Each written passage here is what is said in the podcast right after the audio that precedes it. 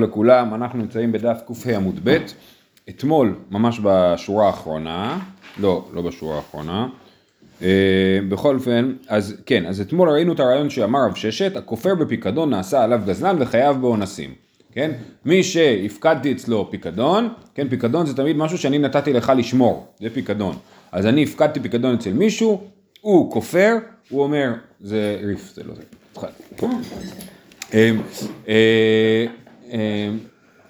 אז, אז אה, הוא כופר בפיקדון, ברגע שהוא כופר, בשנייה שהוא כופר, עכשיו נגיד הוא היה שומר, אני נתתי לו לשמור על משהו, הוא שומר חינם, אז הוא פטור מגניבה ואבדה וחייב אה, בפשיעה וכדומה. ברגע שהוא אומר לי, לא נכון, אני החזרתי לך את זה כבר או משהו כזה, הוא כופר בפיקדון, אז הוא הופך להיות גזלן. ברגע שהוא נהיה גזלן, הוא יהיה חייב להחזיר לי את זה, אפילו אם זה יהיה אונס, אפילו אם יקרה לזה אונס, כן? זה מה שהרב ששת אומר. הכופר בפיקדון נעשה עליו גזלן וחייב באונסין. ואז הגמרא ניסתה למצוא לזה סיוע מברייתא, היא דחתה את הסיוע, ואנחנו ממשיכים בסוגיה. אמ, אמ, רגע, מתי ורב מרי, כן, מתי ורמי בר חמא, מתי ורמי בר חמא, ושכנגדו חשוד על השבועה כיצד? יש לנו, אה, בעיקרון, כשכל הנשבעים, נשבעים ולא משלמים. אני אומר לך משהו, אתה טוען אה, טענה אה, נגדית ונשבע ולכן אתה לא משלם. תמיד הנתבע הוא זה שנשבע, כן, הנתבע נשבע. אבל יש מקרים שבהם לא, לדוגמה, שכנגדו חשוד על השבועה, כן, זה משנה במסכת שבועות, אם הנתבע הוא חשוד על השבועה, כן, זאת אומרת הוא אדם שהשבועות שלו לא מהימנות, אז התובע נשבע ונוטל, כן? התובע. התובע נשבע ונוטל במקום שהנתבע יישבע ולא ישלם. אז כשכנגדו חשוד על השבועה, כיצד? אחד שבועת העדות ואחד שבועת הפיקדון ואפילו שבועת שווא. זאת המשנה. מה רוצים להוכיח ממנה? שאנחנו רואים פה ששבועת הפיקדון הוא נחשב לחשוד על השבועה, אבל רגע, ברגע שהוא כבר כפר בפיקדון, עוד לפני שהוא נשבע, הוא כבר גזלן, נכון? כי זה מה שאמרנו, שהכופר בפיקדון עשה גזלן אפילו בלי שבועה. אז למה צריך... אם מסתבר שזה שהוא צודק. אם הוא כופר, נכון, אבל למה המשנה צריכה לתת את הדוגמה של, של מי שנשבע בשבועת הפיקדון של שקר, מספיק שהוא כופר בפיקדון של שקר, כבר הוא הופך להיות פסול על השבועה, כי הוא גזלן, כן? אם איתה בכפירה או דאיפסילי.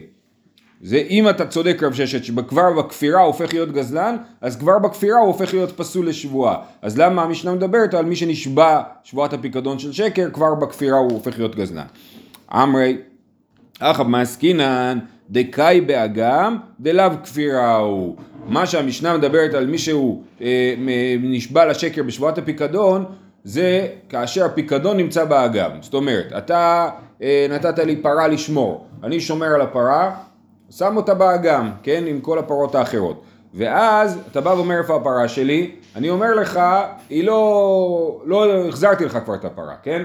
אז, אז אה, למה אני אומר את זה? כי אני יודע שעכשיו עד שאני אלך יביא את הפרה, נגיד השאלת לי פרה, לא נעים לי, כן? אז אני אומר, הפרה החזרתי לך כבר.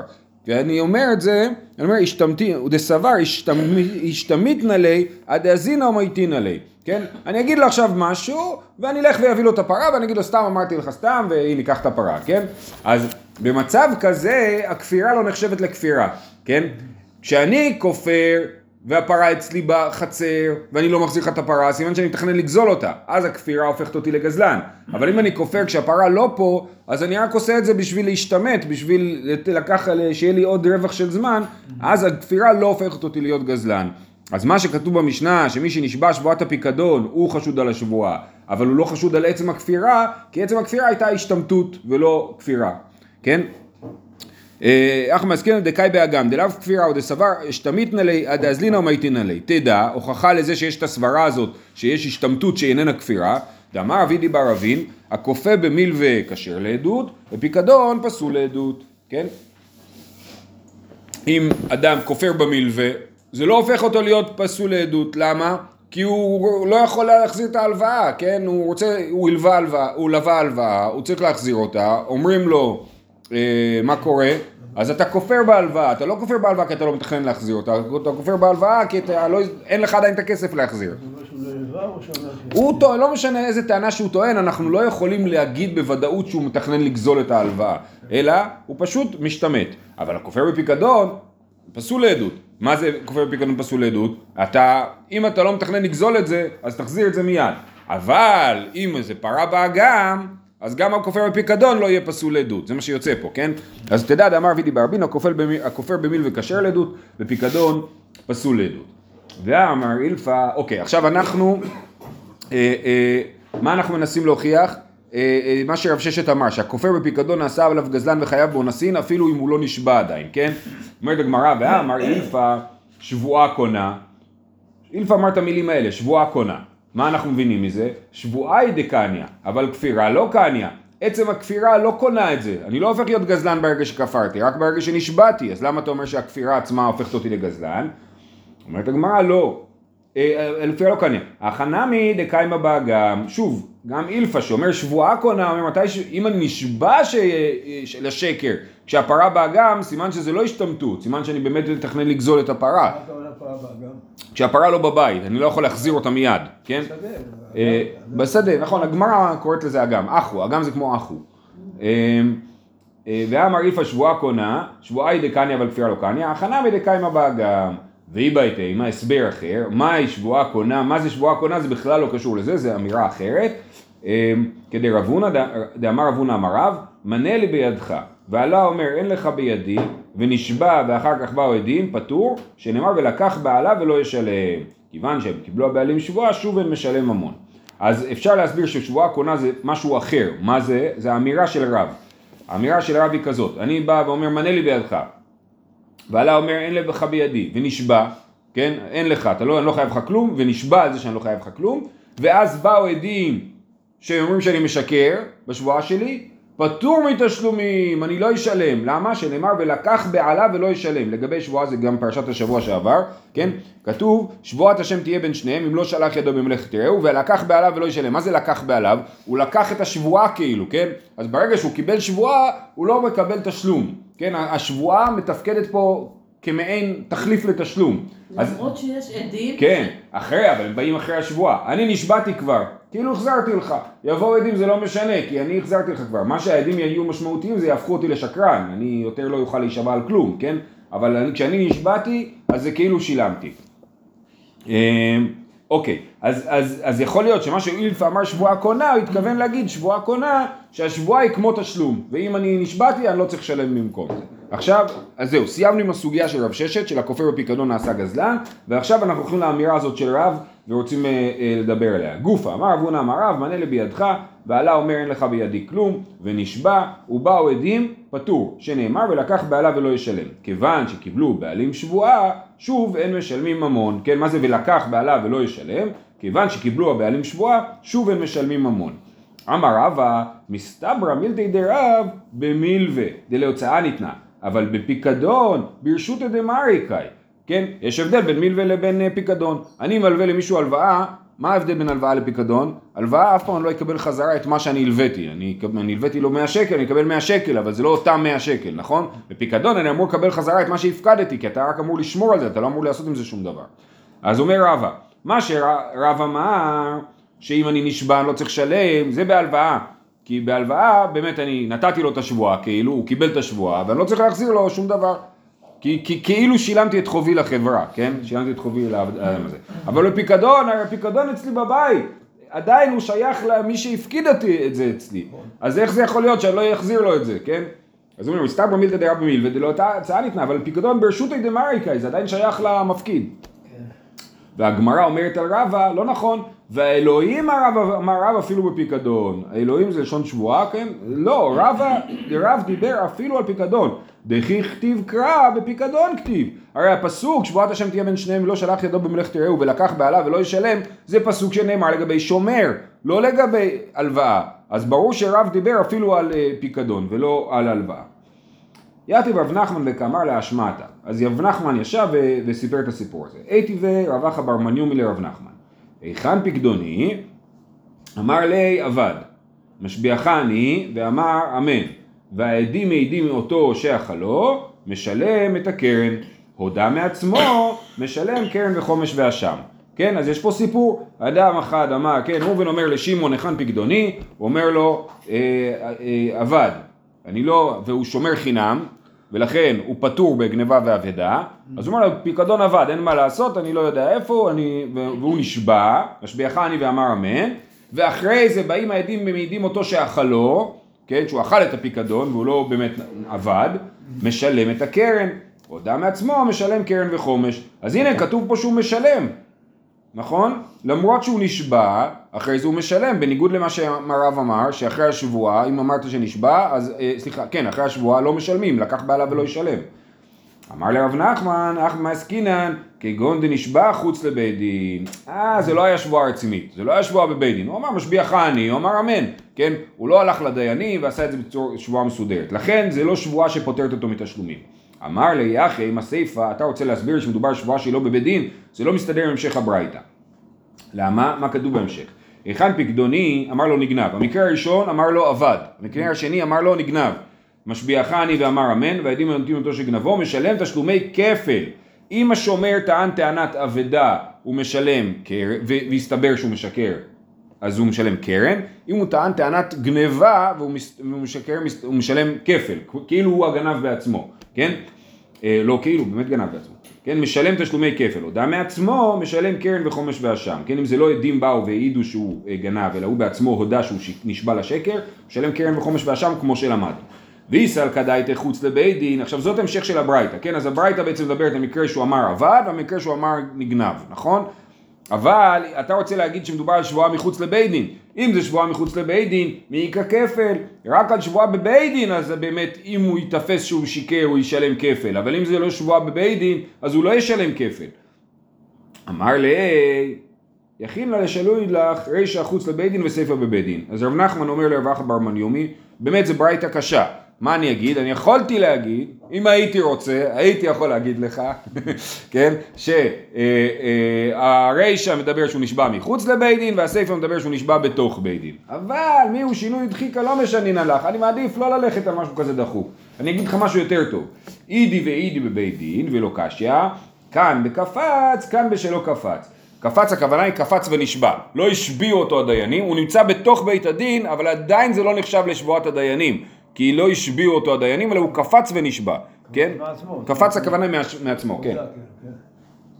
אז זה הולך ככה, כשרב אמר אם הוא נשבע אז לא צריך לשלם, זה אם השביעו אותו הדיינים, לא אם הוא קפץ. אם הוא קפץ ונשבע אז הוא צריך לשלם, אה, אז, הוא, אז זה המקרה של, המקרה של הרישא של הברייתא, כן? שהוא אמר לו עבד והוא אמר לו משביעך אני, הוא לא, הוא, הוא, זה לא היה משביע חני, הוא קפץ ונשבע, אז הוא צריך לשלם קרן, ובמקרה של הסיפא של הברייתא זה שהוא לא קפץ ונשבע, שהשביעו אותו הדיינים שהוא אומר שזה נגנב, והוא משלם כפל, כן? אז קפץ ולא קפץ זה גם בתוך הברייתא, זאת אומרת, רש"י מסביר שיותר דחוק להסביר שהרישא של הברייתא היא מחוץ לבית דין והסיפא היא בתוך בית דין, עדיף להסביר שהכל בתוך בית דין אבל הרישא הוא קפץ והסיפא הוא לא קפץ.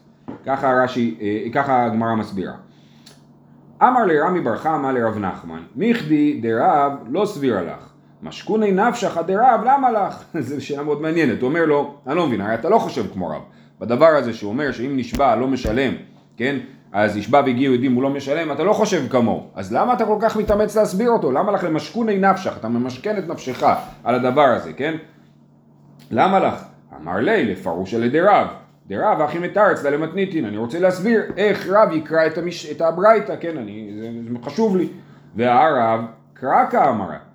אז הוא אומר לו, מה אכפת לך איך רב קורא את הברייתא, הרב הביא פסוק, ואמרנו ולקח בעלה ולא ישלם, זה הרבה יותר חזק מהברייתא, אז יכול להיות שהוא לא יסתדר עם הברייתא, כן, זאת אומרת, טענה מעניינת, כל הדיון הזה הוא מעניין פה, כן, אה, אה, הרב קרא כאמר, אמר קרא את הפסוק אפשר באמת לקחת למקום אחר. ואז, ואז נהיה חייבים להגיד שרב צריך להסתדר כאילו בדוחק עם הברייתות. קרא לכל הנשבעים שבתורה נשבעים ולא משלמים מודי העתה ולקח בעלה ולא ישלם מי שעליו לשלם הוא נשבע. אז הוא אומר הפסוק אפשר להסביר אותו בכלל משהו אחר מה שהזכרנו מקודם. שבעיקרון כל השבועות שבתורה זה שבועות של אני נשבע ולא משלם לא אני נשבע ונוטל, אלא נשבע, כאילו זה שבועה של הגנה, לא שבועה של התקפה, כן? שהנתבע נשבע ולא על זה. אז, כי כתוב ולקח בעליו ולא ישלם. הוא נשבע, אז הוא לא משלם, נכון? אז זה הפשט, של, או לא הפשט, זה מה שאפשר ללמוד מהתורה, מהפסוק, ולא צריכים ללמוד מה שרב למד, ולכן צריכים להסביר איך רב מסתדר עם הברייתות. אנחנו עדיין בתוך הדבר הזה, בתוך דברי רב. מה טיב רב עם נונה? מקשה על רב, שרב אומר שאחרי שבועה אין תשלומים. השביע עליו חמישה פעמים, בין בפני בית דין ובין שלא בפני בית דין, וכפר עליו, חייב על כל אחת ואחת, כן? ואמר בשמעון, מה טעם? הואיל ויכול לחזור ולהודות. אמ, אז הוא השביע אותו חמש, פעמים, חמישה פעמים, חמש פעמים, כן?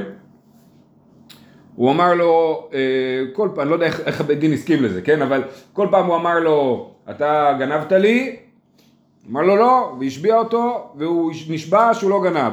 עוד פעם ועוד פעם ועוד פעם, אז הוא צריך לשלם חמש פעמים, אה, אז לא ברור לי אם הוא צריך לשלם חמש פעמים קרן, אבל הוא בוודאי צריך לשלם חמש פעמים חומש, כאילו על כל שבועה הוא צריך לשלם חומש, כן? אז הוא צריך לשלם חמש פעמים, אה, אולי קרן וחומש ואשם, אז אמרתי על הקרן אני לא בטוח.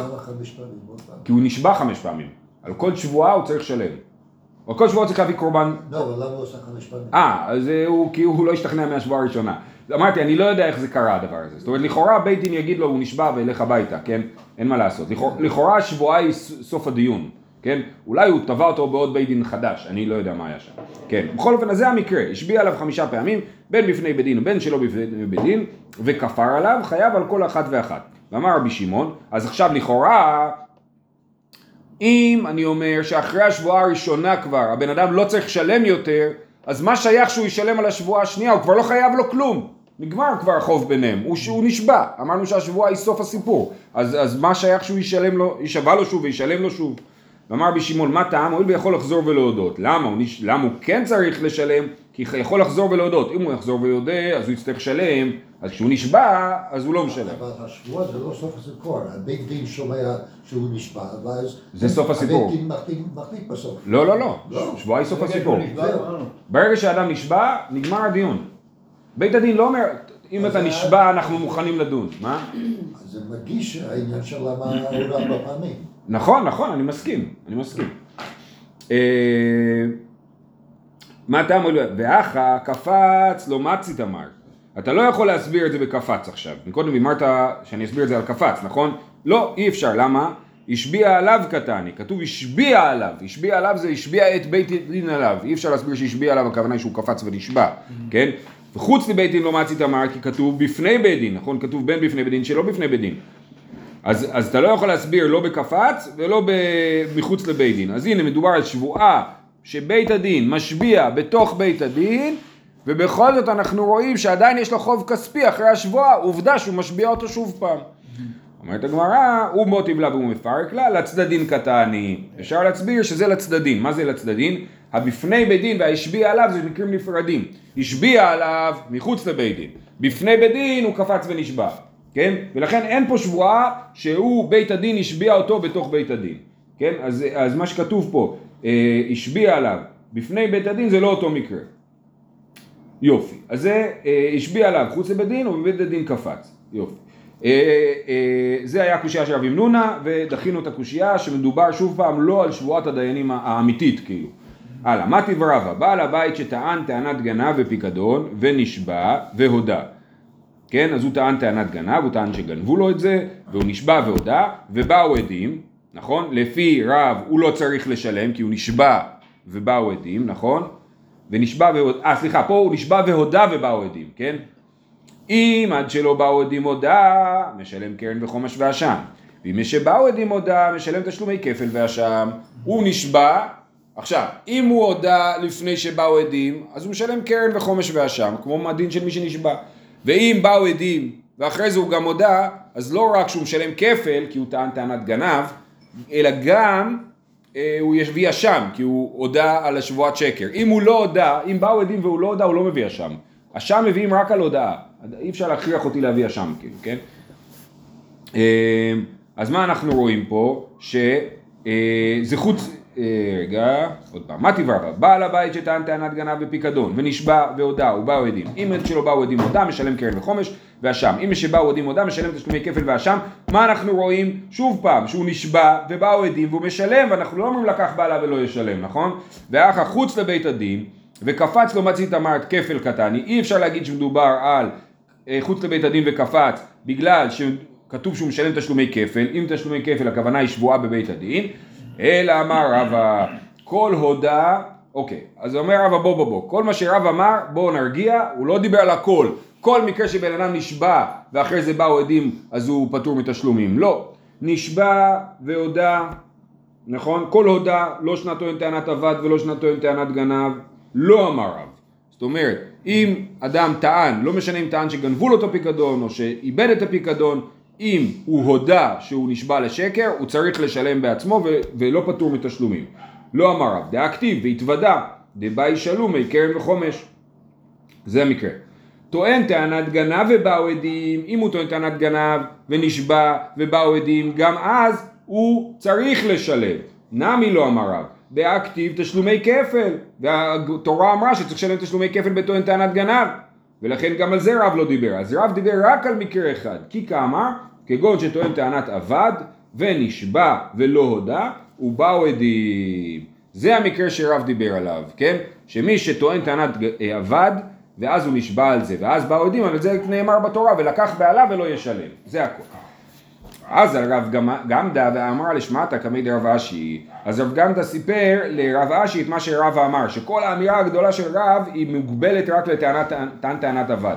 אמר לי אשתא ומר רב אמנונה תלמידי דרב, וידע דאמר עבודה, וכמות עבודה, ואת אמרת תודה לא אמר רב. הרי רב אמנונה היה תלמיד של הרב. רב אמנונה היה תלמיד של הרב, והקשה הרב. על איזה מקרה רב אמנונה הקשה? רב אמנונה הקשה את המקרה של ההוא שנשבע חמש פעמים, נכון? וכל פעם הוא הודה, השביע עליו, והוא הודה, נכון? כי אנחנו אומרים שהוא אה, אה, חייב על כל אחת ואחת, מה הוא חייב?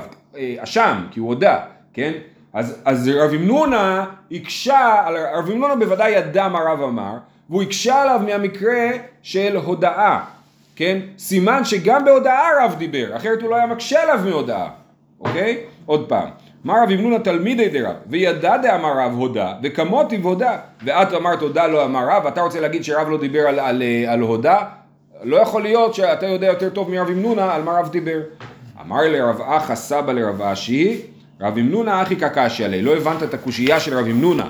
רב אמנונה לא הקשה ממקרה של הודה, אלא מהרעיון שהוא יהיה חייב על ההודעה. אז על זה הוא הקשה.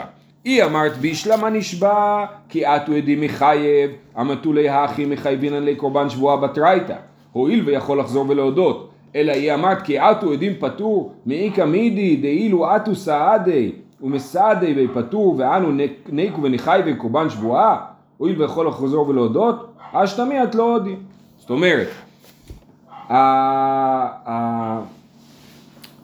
זה הולך ככה רב המנונה לא טען שרב דיבר במקרה שהוא הודה, אלא במקרה שבאו עדים. אבל הוא עדיין רצה להוכיח מתוך הברייתא שמדברת על הודאה. כי הוא אומר, לא יכול להיות שאנחנו נחייב אותו קורבן שבועה על משהו שאפילו העדים לא יכולים לחייב אותו. כן? אם, אה, הוא אומר לרב, הרי רב טוען שאם יבואו עדים הוא לא ישלם, כי כתוב ולקח בעלה ולא ישלם, נכון? אז אם העדים לא יכולים לחייב אותו אז אתה רוצה להגיד ש, שהוא בעצמו כן יכול לחייב את עצמו? שוב, אנחנו מדברים על מקרה שאדם שנשבע כמה פעמים. על הפעם הראשונה שהוא נשבע, ברור שהוא משלם, כן? אבל הוא נשבע עוד פעם, משום מה, מאיזושהי סיבה הוא נשבע עוד פעם, כן? אתה רוצה להגיד שהוא יהיה חייב גם על השבועה השנייה, אבל בשבועה השנייה אפילו עדים לא יוכלו לחייב אותו לשלם. אז למה שהוא יחייב את עצמו? אז מה אתה תגיד לי? אה, אה, הואיל ויכול לחזור ולהודות, אשתמיית לא הודי, הוא לא הודה עדיין. אז איך אתה רוצה לחייב אותו על זה שהואיל ויכול לחזור ולהודות כאילו יש פה איזשהו חוב ממוני? אין פה חוב ממוני, כי הוא לא הודה, ולכן אה, זה מוכיח שהעדים גם לא יכולים לחייב אותו. זה ההוכחה של רב ימנונה, ולכן גם רב ימנונה אי אפשר, כי הרי מה היה הטענה? שרב אמר שרב לא דיבר על מקרה שהוא הודה. ומה טענו כנגד זה? שרב ימנונה הקשה עליו במקרה של הודה. אומרים לא, רב ימנונה לא הקשה במקרה שהוא הודה. הוא הקשה ממקרה ממקרה של הודעה, אבל על עדים. הוא לא טען שרב דיבר אפילו בהודעה. ולכן לסיכום, רב אמר שמי אה, שנשבע ובאו עדים ו, אה, ובאו עדים, אז הוא לא משלם, ולס... ו... ו... והסברנו שזה מדובר רק על מקרה של אבדה. טוען טענת אבדה ונשבע ובאו עדים, לא משלם. זה סוף הסוגיה. הלאה. אמר בחייא ברבא אמר ביוחנן, הטוען טענת בכל אופן כללי כל הדף הזה זה אמירות של המוראים, מימרות של המוראים ביחס לתחום הזה של אה, אה, טענות ושמירות. הטוען טענת גנב בפיקדון, משלם תשלומי כפל. טבח ומכר, משלם תשלומי ארבעה וחמישה. אם השומר טוען טענת גנב, הוא משלם תשלומי כפל, נכון? אז אם הוא טבח ומכר, שחט את הפרה או את הכבש, כן? או מכר אותם, אז הוא ישלם תשלומי ארבעה וחמישה, כמו שגנב משלם תשלומי כפל, וטבח ומכר משלם תשלומי ארבעה וחמישה, גם טוען טענת גנב. בעצמו לא גנב. הוא כאילו- הוא. הוא נכון, אבל הוא לא בדיוק, אם הוא היה טוען טענת אבדה, אז הוא לא היה משלם תשלומי כפל ולא תשלומי ארבעה וחמישה. דווקא אם הוא טוען טענת גנבה, שהדין שלו זה לשלם כפל, אז חל עליו גם דין ארבעה וחמישה. הארבע, חמש, זה רק אם זה שתי שוער או כבש, לא? כן, כן, רק על שור וכבש ורק אם הוא טבח ומכר. כן. הטוען טענת גנב ופיקדון משלם תשלומי כפל, טבח ומכר משלם תשלומי ארבעה וחמישה.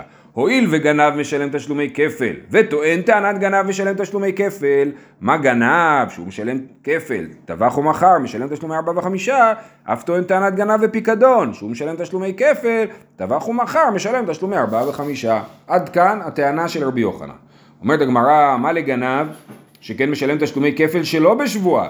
תאמר, טוען טענת גנב שאין משלם תשלומי כפל אלא בשבועה, זה לא דומה. גנב, שנתפוס אותו, משלם תשלומי כפל, לא משנה אם הוא נשבע או לא נשבע. פה הוא חייב לשלם תשלומי כפל רק אם הוא נשבע שגנבו לו את זה, נכון? אז הוא חייב לשלם תשלומי כפל. אז זה לא דומה, אז אי אפשר ללמוד. אמרי היקש ההיא ואין משיבין על ההיקש. יש היקש, גנב וטוען טענת גנב הוקשו אחד לשני. איפה הם הוקשו אחד לשני? זו סוגיה ארוכה שלמדנו בפרק מרובע. וראינו שהדין שגנב משלם כפל הוא בעצמו נלמד מהדין של שומר שטוען שטענת גנב, כן? אה, אם יימצא הגנב, נכון? כי ייתן איש אלוהיו כסף או כלים לשמור וגונב מבית האיש, אם יימצא הגנב ישלם שניים, אם לא יימצא הגנב ונקרב בעל הבית אל האלוהים. כל הפסוקים האלה מהם למדנו גם על גנב שמשלם כפל וגם על טוען טענת גנב שמשלם כפל. עכשיו זה באמת טוען טענת גנב, לא? הפשט זה טוען טענת גנב, כן. אז, אז אה, לא, כתוב שם אם יימצא הגנב ישלם שניים, אם לא יימצא הגנב ונקרב ב... אה, אז. כן. אז, אז, אה, אז זה היקש, אז הם הוקשו אחד לשני כי הם מופיעים באותה פרשייה. אומרת הגמרא, הניחא לאמאן דאמר אחד בגנב ואחד בטוען טענת גנב. זה טוב למי שבאמת קרא ככה את הפרשה, שאומר שהמקור לזה שגנב משלם תשלומי כפל זה מהפרשייה הזאת. שפיר, אלא למאן דאמר היי אם יימצא הגנב ואם לא יימצא תרוויו בטוען טענת גנב. יש מי שקורא את הפרשייה האחרת ואומר כל הפרשייה מדברת רק על טוען טענת גנב והמקור לגנב הוא במקום אחר ולא מפה. אז מה יקא למימר? אז אין היקש בין גנב לטוען טענת גנב ואם אין היקש אז שוב מאיפה אתה יודע שטוען טענת גנב שטבח ומכר משלם תשלומי ארבעה וחמישה? אמרי גנב הגנב. כתוב אם יימצא הגנב ישלם שניים לרעהו. זה כן, אה, ומזה לומדים, במקום אם ימצא גנב, אלא אם יימצא, אם יימצא הגנב, אה, ומזה אנחנו לומדים את הדבר הזה, ההי בא לרבות. עד כאן, מאיפה רבי יוחנן יודע את זה. עכשיו, הייתי ורבי חייא בר אבא לרבי יוחנן, עכשיו הוא מקשה על מה שהוא אומר. היכן שורי, כן, אני אומר, נתתי לך לשמור על השור שלי, אני אומר, היכן שורי, נגנב. משביעך אני, ואמר, אמן. והעדים מעידים אותו שאכלו, משלם תשלומי כפל, כן? אז, אז אה, אני טוען שהשור נגנב, ואני נשבע, והעדים מעידים שאני אה, אכלתי את השור. שאכלתי את השור, אז אם אכלתי כנראה ששחטתי, משלם תשלומי כפל ולא תשלומי ארבעה וחמישה. והאחה דאי אפשר לכזית בשר בלא שחיטה, איך אכלת את זה? כנראה שחטת, וקטני משלם תשלומי כפל, תשלומי כפל, אם תשלומי ארבעה וחמישה לא. אומרת הגמרא, חמה עסקינן כגון שאכלו נבלה, הוא לא סתם גנב, הוא גם גנב וגם אוכל נבלות, כן? ולישני לי כגון שאכלו טרפה, למה, אז לא היה שחיטה, אם לא היה שחיטה לא צריך לשלם תשלומי ארבעה וחמישה. למה הוא הביא את הרעיון של נבלה ולא, ולא טרפה, כן? לישני כגון שאכלו טרפה, מה ההבדל בין טרפה לנבלה? טרפה, השחיטה היא שחיטה טובה, אבל הבהמה היא טרפה, אני פותח אותה ורואה שיש בפנים איזושהי בעיה פנימית שהופך אותה לטרפה. נבלה זה שהשחיטה עצמה פסולה, כן? אז אז למה הוא אמר לו נבלה ולא אמר לו טרפה? תשובה כרבי מאיר, דאמר שחיטה שאינה ראויה שמה שחיטה. זה מתאים לשיטת רבי מאיר, זה סוגיות שלמדנו בפרק מרובע, כן? שאומר ששוחט, ששחט ומצא טרפה, בכל זאת משלם ארבעה וחמישה. אבל אם הוא לא שחט בכלל, אז היא נבלה, כאילו, כן? ולכן הוא אמר לו דווקא נבלה ולא טרפה כשיטת רבי מאיר. ולישני לי בבן פקוע, למה הוא לא אומר לו שהשור הזה היה בן פקוע, הגנב הצדיק לפני שהוא גנב הוא בירר שזה שור שהוא בן פקוע, בן פקוע זה אומר שהוא היה בבטן של אימא שלו כששחטו אותה ואז הוא יצא בחיים ואז כשהוא גדל הוא לא צריך שחיטה, כן? הוא פטור משחיטה, אז יכול להיות שזה אכן הוא הצליח לאכול אותו בלי לשחוט אותו. מה רע בנבלה? אה, בנבלה, כן. כן. אה, אז זה אומר, וזה היום זה לכבוד, אה, היום, ל- היורצייט של משה רבנו, כן. אה, ולישני לי בבן פקוע, כרבי מאיר, דאמר ברבי מאיר, בן פקוע טעון שחיטה, כן? אז אי אפשר לתרץ על בן פקוע, שוב, כי אנחנו רוצים להתאים לשיטת רבי מאיר, שחושב שגם בן פקוע טעון שחיטה, ולכן, אה, ואי אפשר ללכת על הכיוון הזה. ולישני לי כגון שעמד בדין, ואמרו לו, צא תן לו. אפשר להסביר שמה קרה, אני טוען טענת גנב, נכון? היה, היה דיון ובית הדין אמר יאללה תחזיר, אנחנו יודעים שאתה גנבת את זה בעצמך, תחזיר, צא תן לו. ואז הלכתי ושחטתי את הבהמה ואכלתי אותה, כן? דעה אמר רבא, צא תן לו, טבח ומכר פטור. מה הייתה? מה? כיוון דפסקי למילתי, וטבח ומכר אבי גזלן, וגזלן לא משלם תשלומי ארבעה וחמישה. כן? חייב אתה ליתן לו, וטבח ומכר, חייב. מה הייתה מה כל כמה דלא פסיקה למילתא, הכתי גנבו. בסדר? אז רבא אומר רעיון כזה, אומר אם אני, אם אמרו לי "צא- צא תן לו, עכשיו שאני לא נותן לו אני גזלן. אני גזלן, ואם אני שוחט את מה שגזלתי, אני לא צריך לשלם ארבעה וחמישה. אבל אם אמרו חייב אתה ליתן לו, עדיין לא שינו את הסטטוס שלי מגנב לגזלן, כן? אז, ואז שחטתי אז אני כן חייב ארבעה וחמישה. אז, אז במקום לענות לו שהגנב הזה אכל נבלה, היה אפשר להסביר שהגנב הזה עמד בבית הדין, אמרו לו צא תן לו, ואז הוא שחט את זה, ולכן הוא לא חייב ארבעה וחמישה. אמרי, אז מה, למה, לא, למה זאת לא התשובה שהוא נתן לו? אה, ואומרת הגמרא, ולטעמך לישני לי בשותף שטבח שלא מדעת חברו, אלא חדא מתרי תלתא נקד. באמת היה אפשר לענות כל מיני תירוצים, כן? היה אפשר גם לענות שהוא שותף, שהיה אה, זוג גנבים, שאחד מהם שחט בלי שהשני ידע את זה, אז אף אחד לא משלם ארבעה וחמישה. הגנב הראשון לא משלם ארבעה וחמישה כי הוא לא ידע שהשני שחט, והשוחט לא, לא משלם ארבעה וחמישה בגלל שהוא חייב רק חצי, כי הוא חצי גנב, כן? כי השת- גנב בשותפות, ואין כזה דבר חצי מארבעה וחמישה, ולכן שניהם פטורים. אז גם את זה היה אפשר לתרץ. בקיצור, היה אפשר לתרץ הרבה תירוצים, ואין פה הוכחה. זה הכי פשוט. נבלה זה, כן. נכון, לא היה צריך לספר סיפור ארוך. כן, אז בכל אופן, אז מה היה לנו? אמרנו שטוען טענת גנב ששחט משלם ארבעה וחמישה, אה, אה, הקשינו שראינו שלא, ואז אמרנו יש באמת הרבה הסברים שאפשר להגיד שלמרות שהוא שחט הוא לא ישלם ארבעה וחמישה, וזה לא דוחה את הדין הבסיסי שכן משלם ארבעה וחמישה באופן בסיסי. זהו, שיהיה לכולם שבת שלום.